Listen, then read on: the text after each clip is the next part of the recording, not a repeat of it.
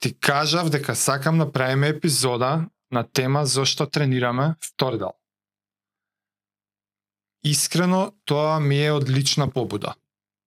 Прво што е интересно да се навратиме, затоа што ако не си приметил скоро година дена помина, Првенецот. така да интересно е и сами лично да се навратиме на на патешествието, да не случајно и на личен план ни се смениле причините. За мене да, 100% и многу длабоко имам размислувано на некои ствари по повод некои околности у мојот живот последниве неколку месеци. Мотивиран од таа моја промена, не промена, тоа е realization, сваќање, реализација, ме интересираше Дали... дали се просветлил. да речеме, ме интересираше дали и како и кај тебе се има променето, може би ставот и доживувањето на зошто тренираме. Се има. А, не ми е не ми е решен уште насловот на епизодата. Ако случајно решам да ја крстам религија на спорт, не се летајте кога ќе прочитате тоа сликчето, ќе ќе ќе стане јасно на што точно мислам. А може би ќе биде и зошто вежбаме парт 2. А може ќе биде зашто вежбаме дел 2. Па негде понатака. Ама битно ја може и натака, може и натака фатам некој некој овакво. Така да имаш ли воопшто забележано од па макар и толку скоро од минатиот пат кога зборевме зошто вежбаме до сега промена внатрешна на зошто се уште вежбаш и тренираш. Нели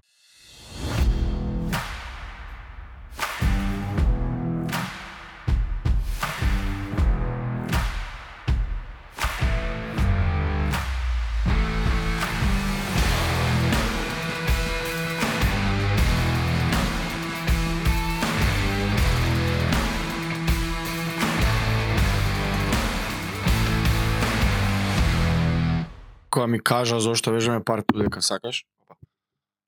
Ти реков на, наметни ми го, Дај ми за да, за да морам да размислам. Зашто спротивно ќе сакаш ли да, да, да, да, си лети тоа и не го размислам свесно. А вака нели ти реков, готово таа е темата, првата за овој циклус. И размишлям цело време, ти кажав и слушам подкасти, и ми лета паметот на страна за ова мислев 10 минути, па ќе се вратаме и чекам малце. Да покопам, да почепкам нели подлабоко и мене ми излезе малци накај филозофско отиде причинава. Мора, мора знам. Ali изгледа што подлабоко копаш, поднатаму и оди Да. суштината и, и не знам некоја причина што е поголема од нас, да Па речам. по дефиниција длабочина тоа значи. Да. И нели еве размишлявме, тоест јас 10 дена и вежбам покрај, ајде ќе ги наброиме од првата епизода психофизичко здравје, олеснување на остатокот од животот и секојдневните физички обврски, нели, ако се расипе лифтот и слично, ги набројавме, кој не е гледал прва епизода, све имате таму. Мал пред оваа Прва прикоил, ли е таа? прва, зошто вежбам? прва, прва. Прва? Да. Season- Зашто вежбаме или зашто тренираме? Зошто вежбам? Што тренираме е многу специфично. да, да. Вежбање, вежбање. И нели тоаш набројував, а, сум вежбал за кошарка, сум вежбал за ова, за и све било специфично, ама никад не сум размислил подлабоко, не сум размислил. И кога се деси со маратонов целава ситуација, а пред тоа имаше и со Тара една ситуација, Трибалион Obstacle Course Race во Србија, а, приметувам како ги се пријавам ја нека ваква глупост, само еден ми треба со мене, и се налепуваат уште луѓе. Мм. И сега идам и чекор назад, уствари сега причината за која вежбам е што не сум бил свесен, е овие физички предизвици, нели ја викам луди глупости што ќе ни тек најмаратон да истрчаме, ајде, од тој аспект. А, у старт телото ми е спремно да отпочне припреми за физичката глупост која следи Добро. без разлика која е да е, дали е маратон или Да. whatever.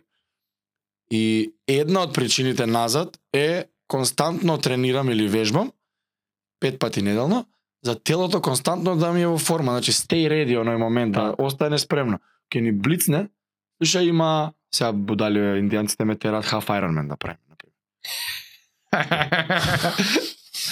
Природен нареден чек. А, не е моја идеја, Ке али ми се прави притисок. Еве сега, ајде, тоа half Ке Ironman. ти биде полесно од маратон. Али о том потом. Нема везе, ќе доеме до тоа некогаш. И за тоа ќе има епизода. Да, да, да. Е сега, не може half Ironman некој да му текне што не направил ни half маратон. Да, да. Е сега, припремата ми е да се останам спремен да ќе дојде повикот од индијанците или од било кој, да можам да одговорам.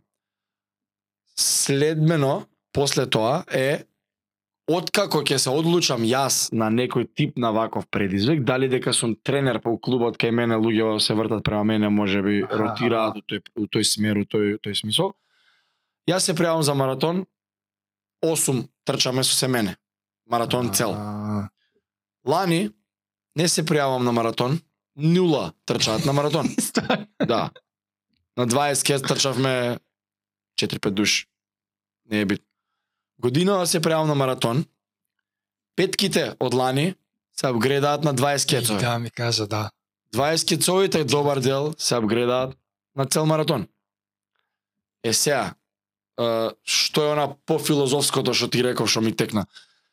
Јас моите со моите подвизи што ги правиме нели еве ќе истрчаме маратон, паралелно е, делува позитивно промената на другиве луѓе што доаѓаат у сала. А не ти е тоа целта, А не ми е тоа целта. нити мотивот. Воопшто. Само го имаш забележано Да, како резултат. скрос несвесно се случува. Да, да, да. скроз несвесно. Се склапа тип на екипа некоја што ој ајде влечки во, во, во па трчаат момци со нас, да бе, не знам, знаеше да не многу, пријави се на 20 кет. 20 кет, са, па ајде, важа, ќе трчате. И толку му треба. И толку му треба. И Жаре влага каша. у жаре некој од групата што трчаме. Знаеш, се кон, имаме група на Вибер маратонци што се вика и таму се куца константно, бе, мислиш ли дека можеме? Знаеш, му треба некој некојаш поддршка едноставно. Да бе, можеш, мал пуш. Да. И сега оноа е, е зашто вежбам сум вежбал за да се кросфит, сум се спремал за ова, здравието, ајде тоа по дефолт више доја, Да, да. не треба да го кажувам тоа више. Али иако ќе бидеме ко расипана трака, зашто да за здравието е. За менталното здравје многу важно денешен денешен период кај што сите се онлайн ама се исклучени некако. И треба оној вентил и мислам дека физичката физичката работа или физичката активност еднакво вежбање го дава тој вентил многу убаво, особено кросфит.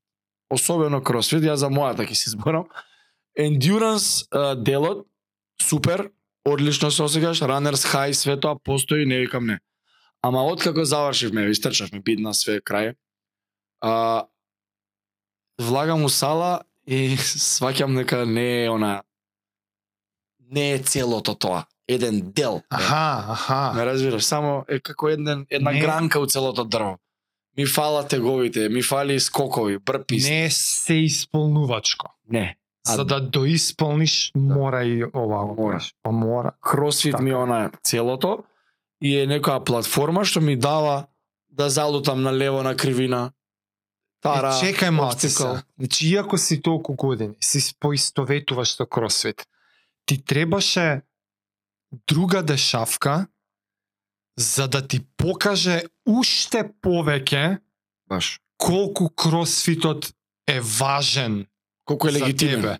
Само потврда. Не општо за тебе за лично. мене, за мене, колку е За- легитимен онака. ти дава, од тие штом кажуваш дека те исполнува, значи влагаш во ние в живото значења з- значение ти дава. Апсолутно. Покрај тоа што ми е професија. Знаеш, на еден начин тоа е очигледно, као даде, ти си кросфит, ти си кросфит човекот, кој? Ама од друга страна и ти самиот после нешто такво, кога ќе се вратиш на кросфитот, гледаш као уште една конфирмација. Не, нема тоа што... Направиот пат сум. Да. Фала на потврдата, толку. Али До- па ова како- ми дава да категорија можам и става? таму. Значи, чек, се ти кажа неколку ствари. Да, тоа е тоа сака ви да Како кажам, може, дали е погрешно што може би се и повеќе, нема погрешно правилно тука. Тама работа. не сме не испрашували. ја ти реков, мене твоето да. лично ме интересира. Повеќе причини се кои константно евалуираат и не секогаш е истата во преден план. Може има Да, смисла да. што го кажувам. да, бе, да. Сваќаш? Значи еднаш ми е да можам да правам глупост некоја ендуранс. Да, да, да, трчаме, не знам, маратон пример. Завршило тоа, се враќаме назад. Не е примерен маратонот, не трчаме, више не се спремам за маратон. Сега ми фалат теговите. Ослабев. Сакам да качам малце маса. Ми си сушија мускулите колкуто. Симнав 4-5 Како? кила не сакајки.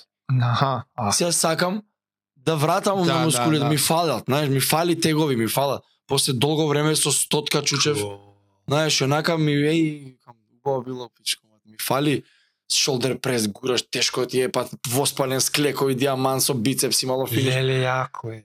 И она упалата ми фалеше, знаеш. Сега па ми се врти натамо она стара љубов још ја волим. Првата љубов кросфитот сега ми е она од Ама ми се врати она стара. раскажуваш овоа, ја го визуализирам како на различни рамнини, како на различни нивоа. Преска збореше за пример, Да. за мотивација, за нешто што е вон тебе, Што е поголемо од мене. и тоа како да е на некое друго ниво, ова ниво е повек не е Не пониско, себично, полично. Друго е, да. Лично е, по е персонално за мене. Она. Да, што тебе те исполнува. Што мене ми дава кросфитот, а што давам јас преку кросфитот на другите е прво. И двете постојат у исто време. Ти ти не џабе викаш еднаш едното, еднаш друго. Не, и двете постојат, само Мгм. постојат во различна димензија, во различно Да. на Се различно активира ниво. едното кога ќе се пријавиме, се пријавуваат други, па кога нема ивент, може тој иде у заден план. Ама што е ново, е тоа новото ниво. Да. Порано не постоело. Или може би постоело, ама не си бил свесен Не за тоа. свесен, сум приметил и ми е било гајле искрено. Тој момент зашто сум се спремал ја за такмичење. Ако те прашал некој зошто тренираш, нема ти текне за да бидам пример. Не. Така. За се спремам, имам Значи, така, тоа е, значи, тоа е ти е ново. Тоа ми е ново. Тоа ти е ново. Што ме натера да прочепкам, затоа ти реков филозофско е малце по по поголемо од мене. Да, да. Не е за кейф, не е за поубави гради, за мускули, за перформанс. Што значи пештерите кај што и моето размислување забега држи вода затоа што има на, на некои моменти на ЗС со ова што го кажа ти. Од аспект на конекција со нешто вон тебе, нешто поголемо од тебе, за други пример, знаеш. Leading by example, буквално. А, Ај ти знаеш, ама тие што не гледат и слушаат може не знаат, а, последниве неколку месеци, заради некои работни околности, а, јас често патувам у странство. И ова е можеби првиот период у мојот живот кај што се случува да ја имам периоди без тренинг 4, 5, 6 дена, например, поред Умаш. тоа се нема случувано. Мислам, се, ако сум планирал одмор, тоа е друго. Ама не дај Боже повреда. немам немам цел, немам трка, немам таргет некој, немам ни конкретен спорт. Мислам, возам секојаш возам, ама немам структура, немам периодизација, немам, значи ова се ретки, може еднаш после Ironman да сум бил у таква ситуација, ама и тогаш било плански. Ова е поише животни околности така се погодија, да едноставно ми е во та, дури ми е глупо да кажам у втор план, Срце не да. не дава, ама од аспект на колку сум редовен со тренинг, се случува тоа. И ми е новолти. Ново ми е. А оф топик, прво колку е нефер што можеш да си 30 години спортист и 3 дена 4 тренинг нема да направам, мозокот ми се враќа 20 години. Многу незахвално. Значи, готово. Заборавам како сум станувал у 6 да тренирам. Заборавам како личало тоа 3-4 дена. да имаш мотивација да станеш у 6 одма пун со елан да да лупаш нешто да 4 дена. 4 дена без тренинг и ја готово онаков сум. А. Одма зашто да не правам? Одма гласот. Колку е тоа не фер, значи тоа на страна. Свесноста ти е голема, тука знаеш што треба. Свесноста ми е голема, дури само изненаден сум, зошто не, не паднав у депресија, зашто не ме депримираше. Ама, не можам да не размислувам и се фатив така, да јеби два-три месеца, така терам. И, ама сепак се терам. Се натерувам со сила да излезам, ќе наодам, ќе отидам. Возев два-три пати, трчав два-три пати, физички не приметувам некоја неко- голема мајка, не. Не знам, па извозев 5 сата, 6, па истрчав трейл ран, правев 3 сата, после 10 години немав така трчано. Ама сваќам дека не, не го правам тоа за здравје, не го правам за ментал бенефит, не го правам за некој си допамин, не го правам од што ми е навика, очигледно ја изгубив навиката, толку 4 дена без тренинг и ја изгубив навиката, да земеш се убиеш. Значи, Така ти личи. и се изненадувам зошто не чувствувам анксиозност во врска со тоа. Порано, кога ќе нема, а може ти се уште го осеќаш тоа, дали анксиозност или некоја грижа на совест, кога ќе се фатиш да не направиш тренинг, бар ја запаѓам у такви, порано сум запаѓал у такви мисли, ете сега, губам фитнес, еве сега ми, не знам, подалеку сум од целта, или некоја си, Затоа што си имал цел, а сега немаш. да, ама, а, во исто те јаде. време не се осеќам изгубен. Во Не? исто време не се осеќам дека лутам и почињам да барам што е тоа. Зо, зошто? Зошто не се осеќаш? зошто зошто немам анкси... зошто осеќам мир? Зошто осеќам баш така е, некакво мир дека и верба ќе биде. It's gonna be okay. Да. Такво ми е. Буквално онакво верба It's gonna be okay, ама не знам на што се uh, бе, на што се базира. 30 годишна залиха сати од тренинг. И и тука изгледа многу ствари ми кликна и затоа имам тука некои рандом мисли и сега ќе се повикам на трпението на гледачите и на тебе. Затоа што ќе се сега уживо ќе се обидам да врзам мисли во некаква концизност. Отинаку се нафрлани и сам самиот сега ова е еден вид исповед или еден вид може би и покана до други да споделат кои што се може би во некое слично сознание. Ја Ај тебе ќе те прашам одма. Што би сакал да постои дури и тебе да те нема веќе? Ке ти дадам време да размислиш. Од аспект на Се, да. Да ти дадам контекст и перспектив. Ја ќе дадам моje размислување и одговор и тоа ќе ти даде тебе време. Ова прашање често се користи кога некој бара а, смисла на животот или што ти е зашто си ти тука, да си ја најдеш твојата цел, мисија да мисија. И луѓе што се така малци изгубени, тоа е прво нешто што ги прашуваат. И е, скоро на сите, најверојатно, обавезно ќе им дое некаква фамилиарна врска. Нек... Тука ќе ти биде рамката на размислувањето. Значи, Некој сакам човек да остане. мајка, татко, керка, син. Тоа е како следствено логички с, ако, ко- Мене, мене, они нека остане. што би сакал да продолжи да постои ако тебе веќе те нема? Керка ми, Така е. толку. Толку крај, друго не ме интересира. Ти размислувај уште, затоа што ти си сега во уникатна ситуација Ја, за мене, оти ти немаш керка, Да. Така да тоа не може да ти е дефолт прв одговор. Ама, тоа на страна, некако не важачко, туку како примарно, окей, порано низ историјата, одговор на тоа прашање, а може би и денес се уште во некои делови од светот, може да биде е, држава. Луѓе, луѓе гинеле за држава. За империја, да, Луѓе гинеле за богови.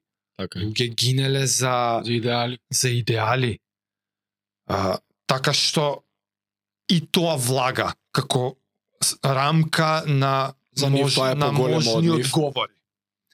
Зошто е ова многу важно? Затоа што тоа е портата кон која можеш да увидиш што тебе во твојот живот е, има нешто што значи повеќе од тебе. Поважно е од, од себе си. До толку ти е важно што ја, ја ќе умрам, ама тоа сакам да продолжи. И тоа се секакви идеали.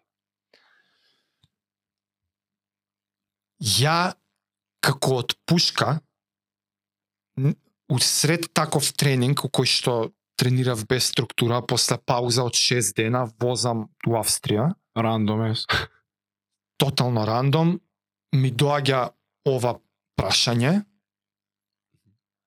и како од пушка, освен керка, спорт.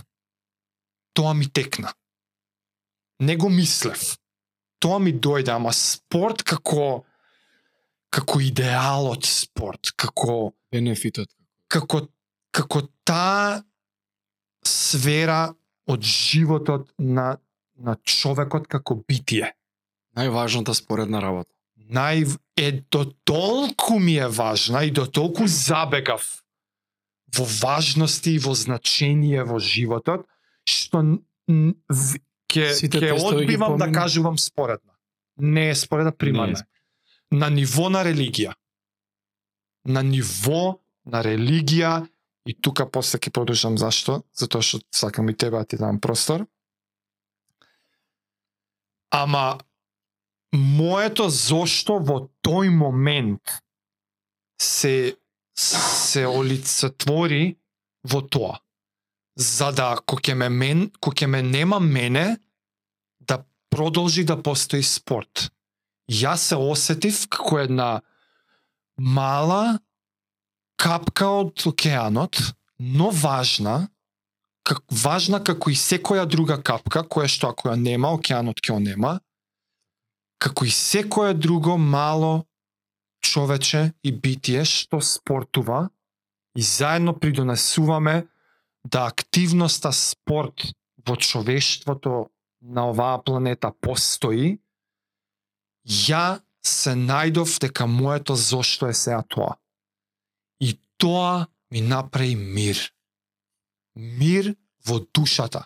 Да, да, да немам анксиозност затоа што немам трка кон која што треба да се стремам.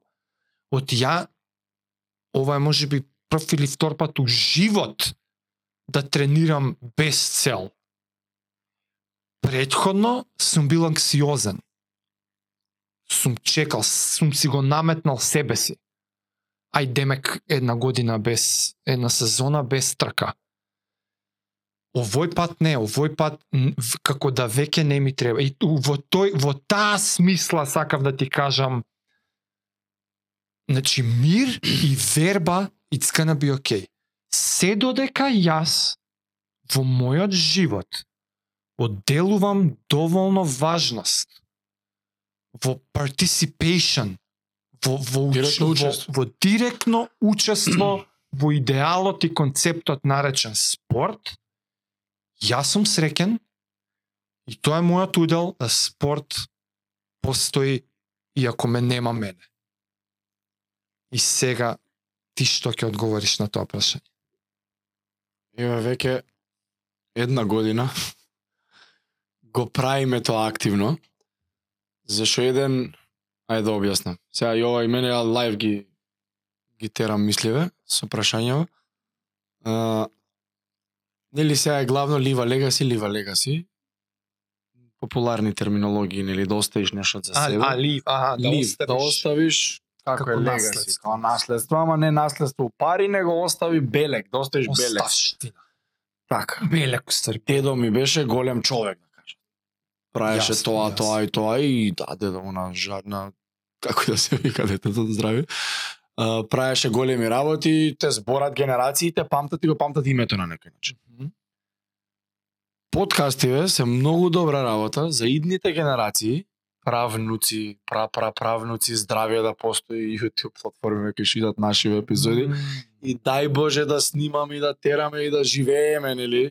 Да сме живи 600 години и да трае целата приказна. Што повеќе епизоди снимаме, со секоја една епизода сме капка во океанот Во легаси. епизоди на нашиот си легаси. Зашто утре, сега, ја, дедо ми, едниот умрел ја 96-97 година, јас сум имал 6 години, не знам каков човек, Аха, аха. не го познавам. Памтам дедо ми тоа 5-6 години, колку памтиш? Е, со ова што го правиме ние, не треба да те памти. Четири генерации од сега. Стварно, бе. Може да пушти само. Ви овој што зборал тресал го, не и се управо бил или не бил или контра ќе би не бит. Ама од тебе лично од твојата уста гледа на екран како излегуваат зборови како ти си размислувал. И не треба, ако порано требало да напишеш книга, сега не треба да напишеш книга, и една била, ќе напише некој, и дедо ми книга напише. Сега ја здрави ќе имаме Браво, илјадници бе. епизоди, теми, ќе може од секој аспект да видат како размишлиш. И преубаво. Е, тоа е нешто што и верувам дека ќе остане, зашто не зависи од мене и тебе, ако некој не ги избришали. YouTube Значи, здраве тоа да ти дое прво која те Тоа прашав. ми дое прво, зашто ова е ми е старо, зашто јас сакам да имам подкаст. Зашто сум сакал, сега имам. Едно од тие. Второ што сакам да зборам на овие теми Да, и ама една од причините е таа и тоа ми блисна прво. Да, да. Кога да. мене ќе ме нема сакам епизодиве да останат. За утре ќе му прифалиш на некој да, ќе бе, пушти, Да. да. ќе те види, ќе се насме, ќе заплаче една драма. Има од тебе те гледа, а сати, сати како разговараш и збориш. И си прилично жив на тие видеа. Преубаво е, оти се ставам на место на гледач на други подкасти. Ти се осеќаш дека се познаваш со Џо Роган. Мгм. Јас се осеќам дека имам разговарано со Ендрю Хјуберман. Често пати викам леле само нема да умре. Лекс Фридман. Не сакам да престанат Атија. нови Јас се осеќам како да имам разговарано со тие луѓе. Да бе. Знаеш што значи вика? некој нареден наш потомок, слушајќи на нас, ќе има чувство дека разговара со нас. Зашо колку можеш да Вау. фејкаш ти за овие работи? Ова е долга форма разговор. Имаме еве колку епизоди има? 30, колку немам појма. Колку се ближиме на кај 40. на кај 40.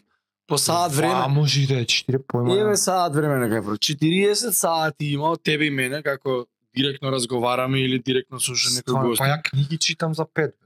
Да. Има 40 до сега. Здравје тогаш ќе има илјадници сати. Да, да, да. Како ќе фејкаш, ќе глумиш илјада, не сме глумци ни од кај да знам.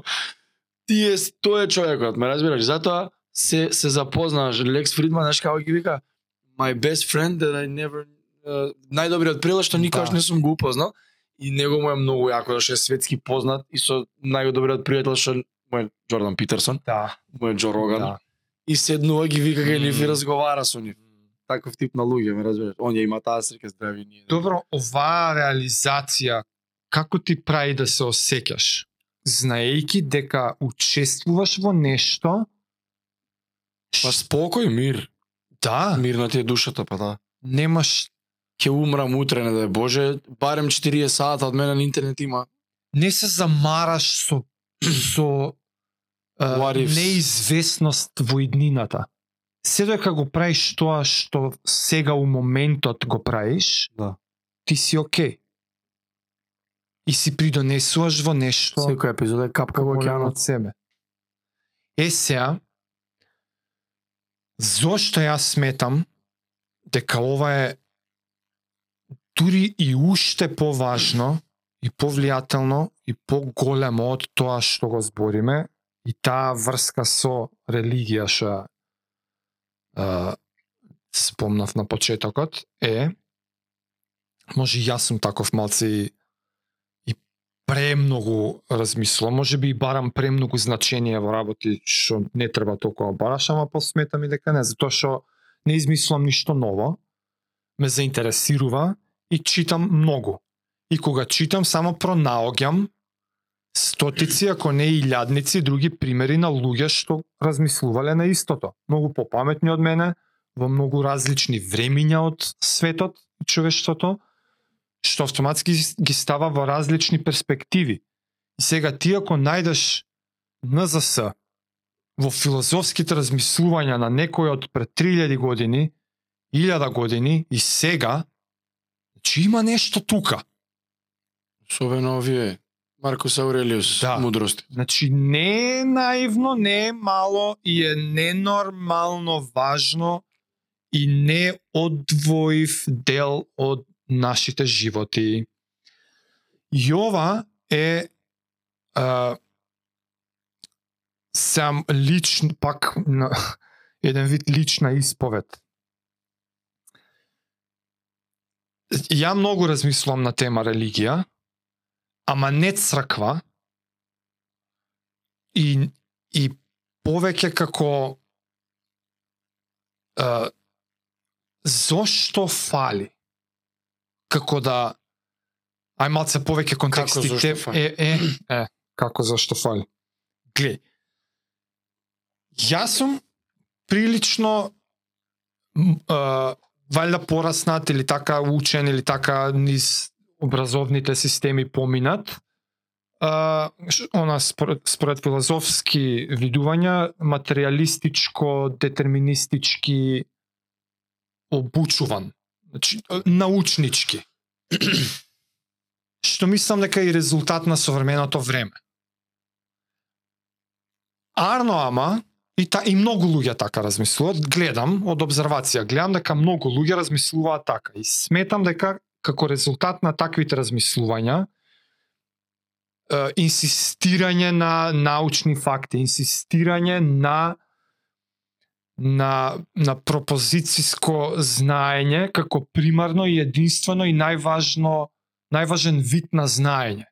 Демек знам што е чаша или знам што е компјутер и научно сега ќе објаснувам што е компјутер, што е чип, што е вака, што е, и тоа е примарно и нема што поише да знаеме. Ама има многу, има други видови на знаење. Ке дообјаснам.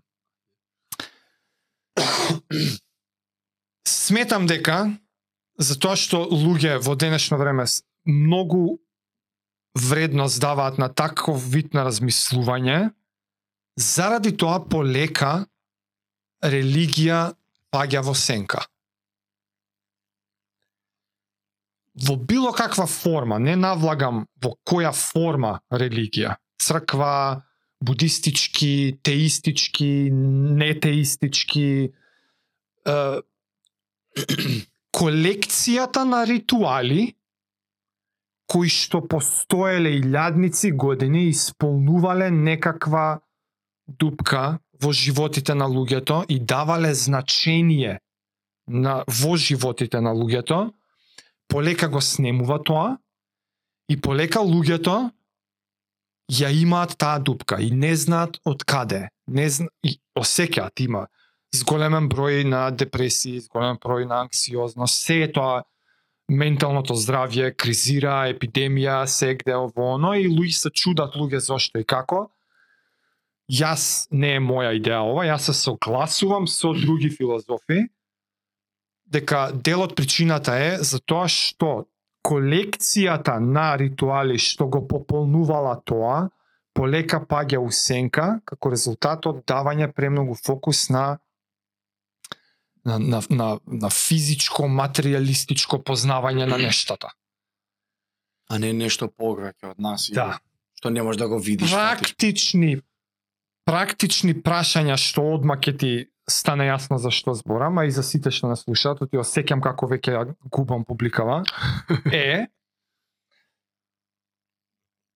Каде одиш за информација? Google. Google. Каде одиш за знаење? YouTube, подкаст, Audible, Така, книги. одлично. И во различни епохи тоа се различен менало. начин се конзумира. Така, медиумот е различен. Каде одиш за мудрост? Не одиш. Е, тоа е дупката.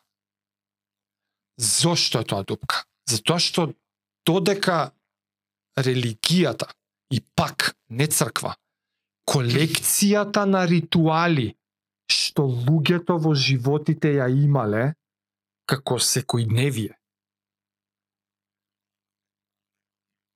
била таа кај што оделе за добивање мудрост. Или сега одиш кај стари филозофи и стари мудреци. Нема нови. Джорджи ми Джордан Е, Петерсон. така. Е, сега што е мудрост? Зош, зошто и by the way, не е, не е религија единствениот начин како се доаѓа до мудрост. Има и други начини како се доаѓа до мудрост, но постои но но е начин. Не, нема исклучок, нема нема религиозен човек што сериозно се посветил на религиозните ритуали што не е мудар. Ама збориме сериозно. И сега кој се тие кој, која е која е поентата на тие ритуали? Тие се тие различни видови на знаење на нешто. Тоа прво тоа е uh, пропо, пропозициски. Тоа е да знаеш за нештата. Знаеш за знаеш за работите, знаеш за постоењето на компјутерите, знаеш евентуално како се како се направени, ама ти што ако или или знаеш за точак, или знаеш за тек. Знаеш што е тек, знаеш од што е направен, Зашо се користи? Се подпираш на научни факти, да, да, да, ова е измерено толку грама, не, не ме интересира Господ, карикирам тука, ама се подпираш на на тој прв левел на пропозициско знаење. Факти, теорија, знаење, го знам. Нареден вид, наредно ниво, наредна димензија на знаење е процедурално знаење а тоа е како да правиш нешто. Значи јас знам за точакот, ама тоа знаење за точакот не е исто со знаење да возам точак. Знаење за тегот не е исто што и знаење да го кренеш тегот. Тоа е вештина. Процедурално знаење нема теорија.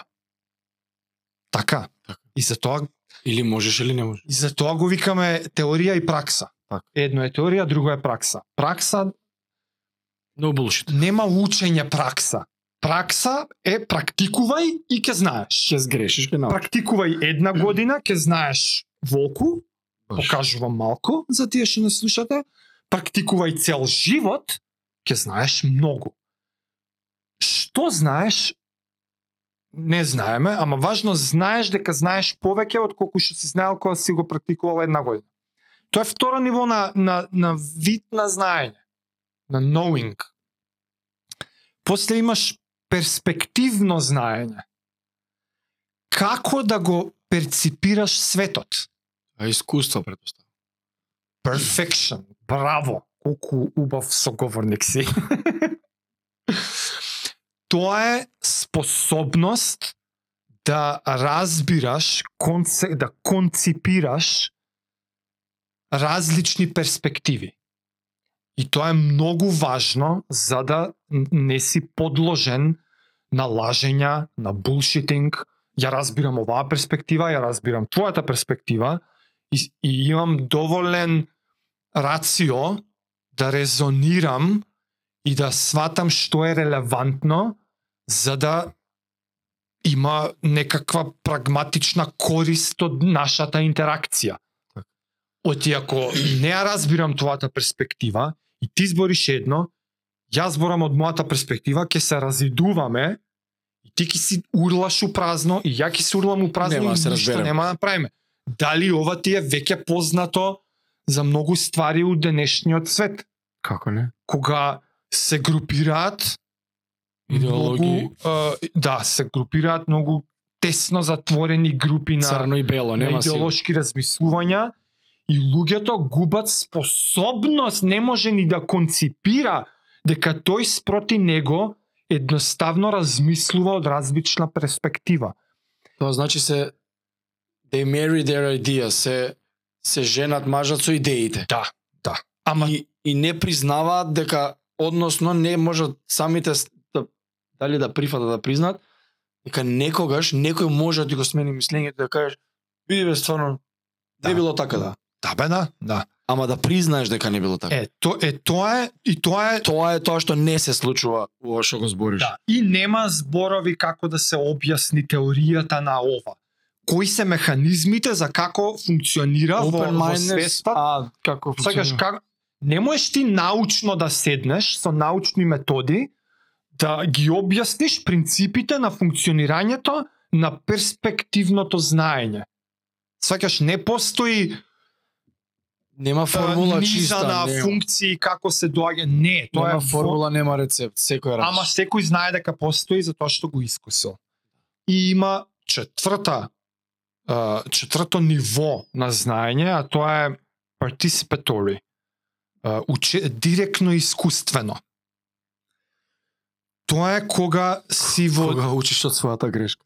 буквално значи си во, во, во директна релација со светот, со универзумот, со природата, со нешто, со арената, така во филозофските круги, тоа се вика agent arena relationship, значи сооднос помеѓу агентот, ние и природата, универзумот како што ние ја проектираме и, и реалноста и а, тоа е кога кога кога чувствуваш дека си дел од нешто. И тоа е не можеш да го објасниш со зборови. Секој се надевам секој на еден или друг начин го осетил, ама не може да го опише.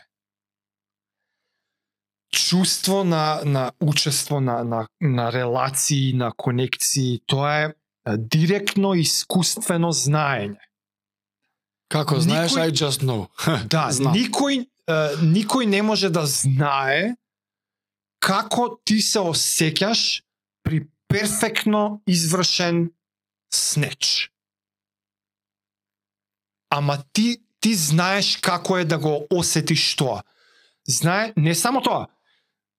Знаеш кое е чувството, знаеш кое е и чувството кога го осеќаш актот на перфектниот снеч.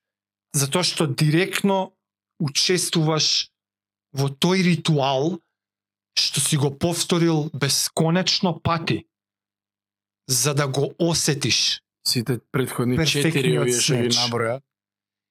Е, тука е спортот религија. Во време кога заради занемарување на овие различни нивоа на знаење и заради одредени е,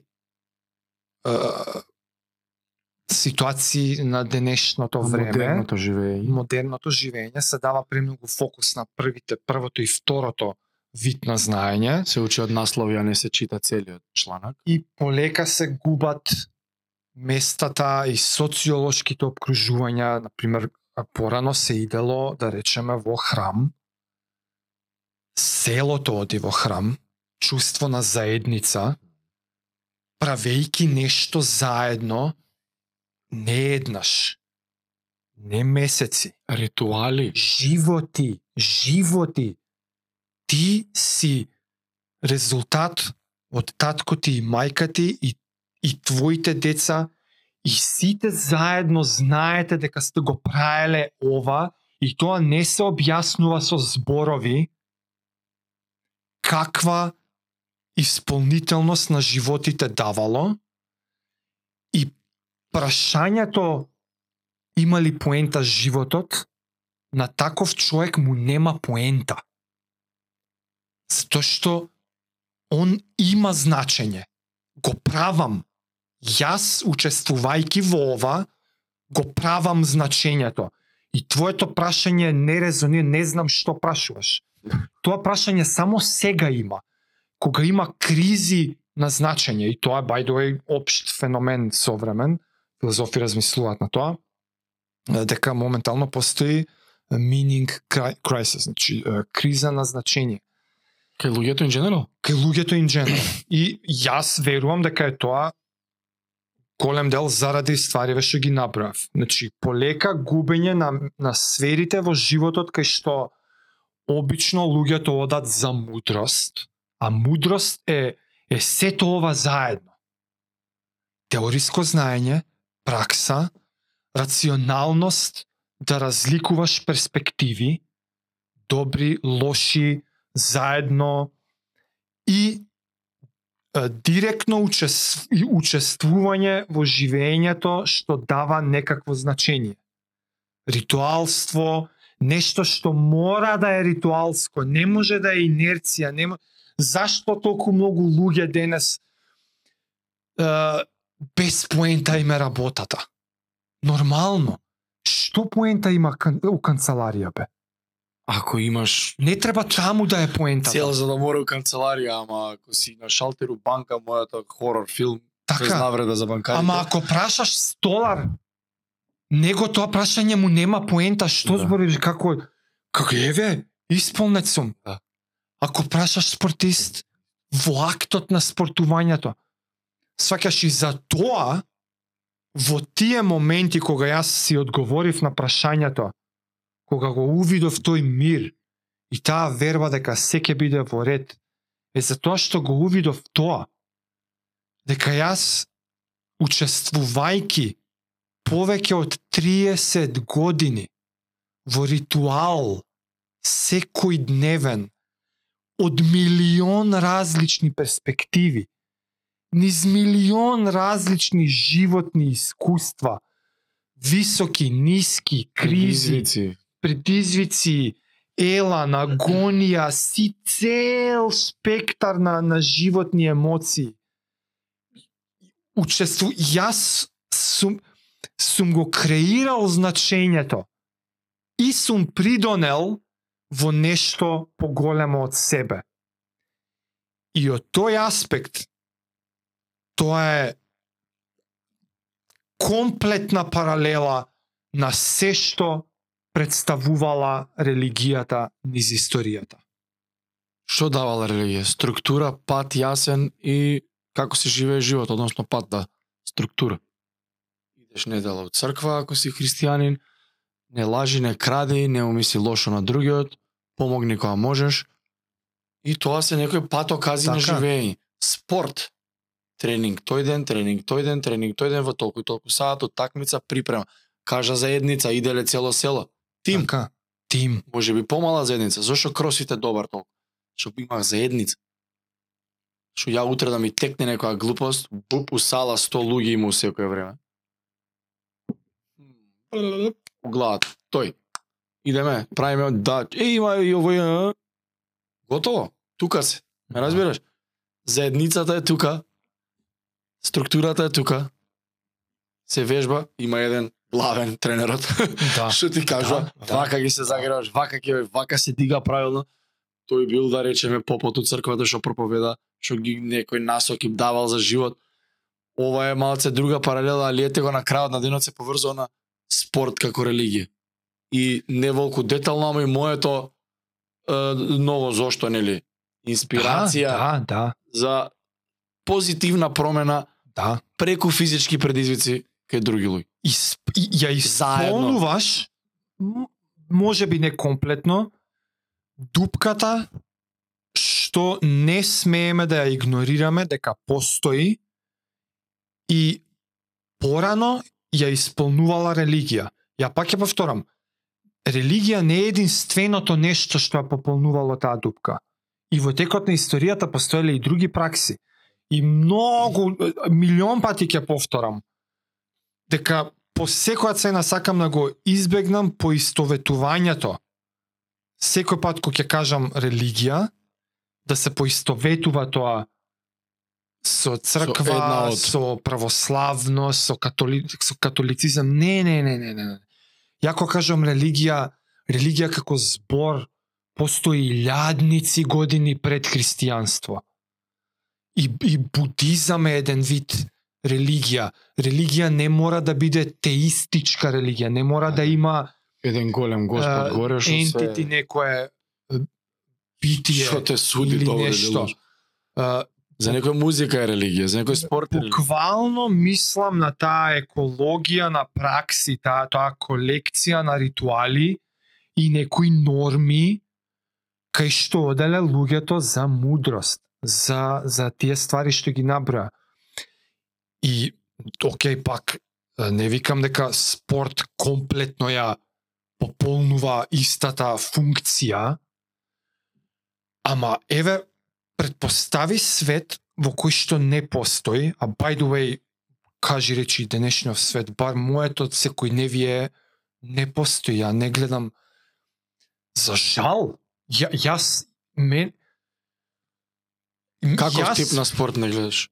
Не, не, не гледам а, присутност на религија. Аха, на На- религија, религија. На религија, религија на луѓе Да. посветени на на тој на посветување на време и фокус и внимание на тие на третото и четвртото ниво на вид на знаење. Оти тоа не се стекнува у канцеларија, не се стекнува у книга. Чи мора да да искусуваш директно, мора да воспоставуваш конекции вистински и мора да да да ги подразбираш перспективите на постоењето и тоа се правело преку религија, денес го нема, и тоа сакав да кажам, замисли дека го нема, и е прилично лесно да замислиш дека го нема, затоа што практично и го За нема веќе. да. Ама еве го спортот. Јас сум апсолутно мртов сериозен, тврдам дека огромен дел од истите ствари ги попунува. Ама мора да е цел живот пракса. Од ја ова не го сметав и размислував ни пред една година. А камоли 10. И мислам дека мора да се поминат сите Не можеш да рипнеш одма тука. Сите чекори, Да, сите скали. мора да го поминеш ај за здравје. Мгм. Мора да го поминеш ај за навика. Ај за спремање Да, ај за спремање, ај за тешко. Мислам дека мора да ги поминеш тие ствари. Ај да го осетам кога ми е убаво, кога милиони, милиони Па сите мудри, мудри Да, мислам дека мора да ги поминеш. стари. Стари искусни биле луѓе. Да, успех, неуспех, Свет мора да видиш. да ти се тренира, да не ти се тренира, да кризираш, да Зашто психологија е професија на постарите луѓе. Постарите луѓе се успешни во психологијата како и психолог филозофија и и филозофија. Да. Кој млад 20 годишен психолог 25 Да, жити да, се да. идеш ти на 45 кај него. Не дај Боже се десило Да. некоја трагедија. Како ќе те разбере? Од кај ќе влече, од каде? Затоа нема тренер млад. Нема. 45, 50 за психолози зборам, че мора на животно искуство да го имаш, мудреци мора животно искуство, е, Да. ќе се сопнеш тамо, не оди. Или Да. што кажа Сенат, седни, врзи ги патики. Да. Е толку проста работа, ама ти мора да си глуп да се сопнеш да сгрешиш. Тоа е искуството и затоа мора да си и Да. што викаш ти годинава би ти текнал. Години, мислам дека се години и искуство да, да, и не, ја не верувам низ дека е случајност. Морала се дојде и затоа пак уште еднаш благодарност за разбирањето на сите што нас слушате, што и трпението да да Сепак Да- религија да не- на спорт ќе се вика да, епизода. да не с- да, не- да, да не следите у моево во живо обидување да ставам некои мисли во некој си тек за тоа што доаѓам до конкретен одговор на прашањето зошто тренираме. За мене тоа сега спомнав преска дека тоа некое учество во делото што се вика спорт, што е вон мене и што сакам да постои за секогаш, ама уште едно ниво подлабоко, ама зошто па тоа? Ако некој сака да ме праша од тоа, ја и на тоа најдов одговор. Зошто па тоа е толку важно? Сваќаш што ти некој ке, некој можеби со право ке ме праша, ех, најде значење дека си учесник у спорт, сваќаш. Зошто потоа? Еве зошто. Затоа што сметам дека пополнува Солиден човечка потреба што е потврдена од многу попаметни луѓе од мене, епохи и епохи низ историјата таа потреба на човекот постои, не смееме да ја игнорираме. Спорт е еден начин на кој што се пополнува, на кој што се наоѓа значение во животот. нешто е значење на животот. Тоа е префилозофско, тоа може би е невозможно да се одговори. Значење во животот е друго прашање. И и религија како таа колекција на пракси за мене тоа го одговара. Или помага или дава рамка во која што ако учествуваш ќе си го створиш значењето. Е за тоа ми е толку важно што учествувам во спорт, затоа што е на ниво на религија. Тоа е името на епизодот. Тоа ли ќе биде? Тука може да заврши.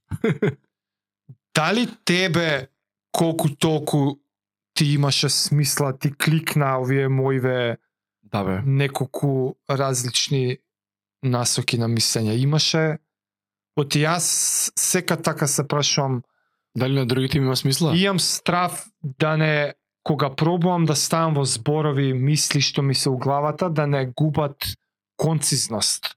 Оти у мојата глава се е кликнато. Знам. Ја немам ништо нејасно. Ама ми делуваш дека ја виде зошто зошто религија. Зошто е религија за спорт? Така. Дека дека Апсолутно. е и дали ќе ти се повтори да го кажеш споредна работа. Спорт веќе не е споредна работа. Види, една од не работите, една од работите што ме нервираше у короната беше с, како фитнесот е non-essential бизнис. Нели се затвараа неесенцијалните да. бизнис. Да. Спортот, вежбањето, физичката активност не е луксус. Тоа е потреба. Да. Есенцијална потреба. Ко ти не можеш утре да станеш од креветот Е, или да седнеш на шолја, основни Ето. физиолошки потреби да испунеш, кој што одење у веце, да. како не е тогаш потреба? Како е како е тоа луксус? Да. Една од, па ќе кажам, една од многуте работи што ме нервираше беше тоа. Дека спортот и фитнесот беа као дел од луксус таен. И затоа јас никад нема споредна, мислев споредна на Да, фудбал луѓе што гледаат и пратат тимови. Да. Али као директен учесник не може не е споредна, тој секој дневен составен дел од мојот живот не е спореден Да. е главен дел од мојот живот кој ќе размислиш. Што од аспект на вежбање што е кратко, али е корисно, што од као јас сум оној the prophet, prophecy, профет како и да се. И јас сепак си оставив една конкретна мисла како порака за крај, ама ми беше под знак прашалник, затоа што не знаев дали ќе успеам да доам до неа на И концизен начин, а мислам дека доов и сега ќе пробам да дам. Како порака, а, by the way, јас сум бил многу атеистички настроен голем дел од мојот живот. Не дека сум станат религиозен човек сега, иако во контекстот у кој што сега го објаснив концептот религија и спорт може би и станувам религиозен, ама сакам да кажам дека сум свесен дека бев атеистички настроен заради денешното време и живење што дава преголем фокус на првите две видови на знаење. Иако попатно ја цел живот сум бил свесен и сум ги практикувал другите видови на знаење, ја цел живот имам осеќано недоволно објаснети некои ствари и исто сум по подпаднал под предрасудата да одма поистоветувам религија со црква и тоа ми изгледало безсмислено. Затоа што има дел од праксите, ама пак не, затоа што ја прави праксата, ако ја прави да го повлекувам зборот. Во тие млади години ми биле безсмислени, сум гледал како се под подсмев Види овие будали што. и и сметам дека тоа било тотално погрешно од моја страна. Сега веќе тотално прифаќам дека не смееме така се однесуваме. Тоа е нешто што е необходно во животите на многу луѓе, затоа што ја пополнува оваа потреба. И за сите други луѓе кои што сте можеби во слична фаза на животот. Религија како црква не ви резонира баш. И се прашувате и барате, не се осеќате изгубени, ама се осеќате дека трагате. И тоа е убава работа. Да, да се стремиш кон се повеќе и повеќе спознавање.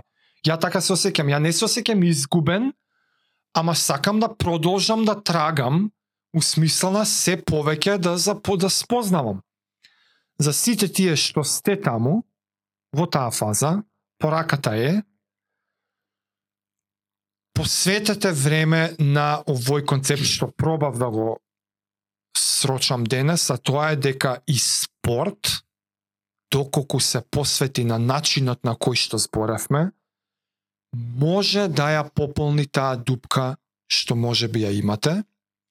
И зошто е тоа важно? Затоа што колку и да ве води инерцијата на живењето на секојдневието, работа, фамилија, хоби, нов ден, нов ден, одмор, нова година, лето, нов ден, нова година, може би одложуваш, може би не, може би не ти делува како нешто што вреди да се замараш сега.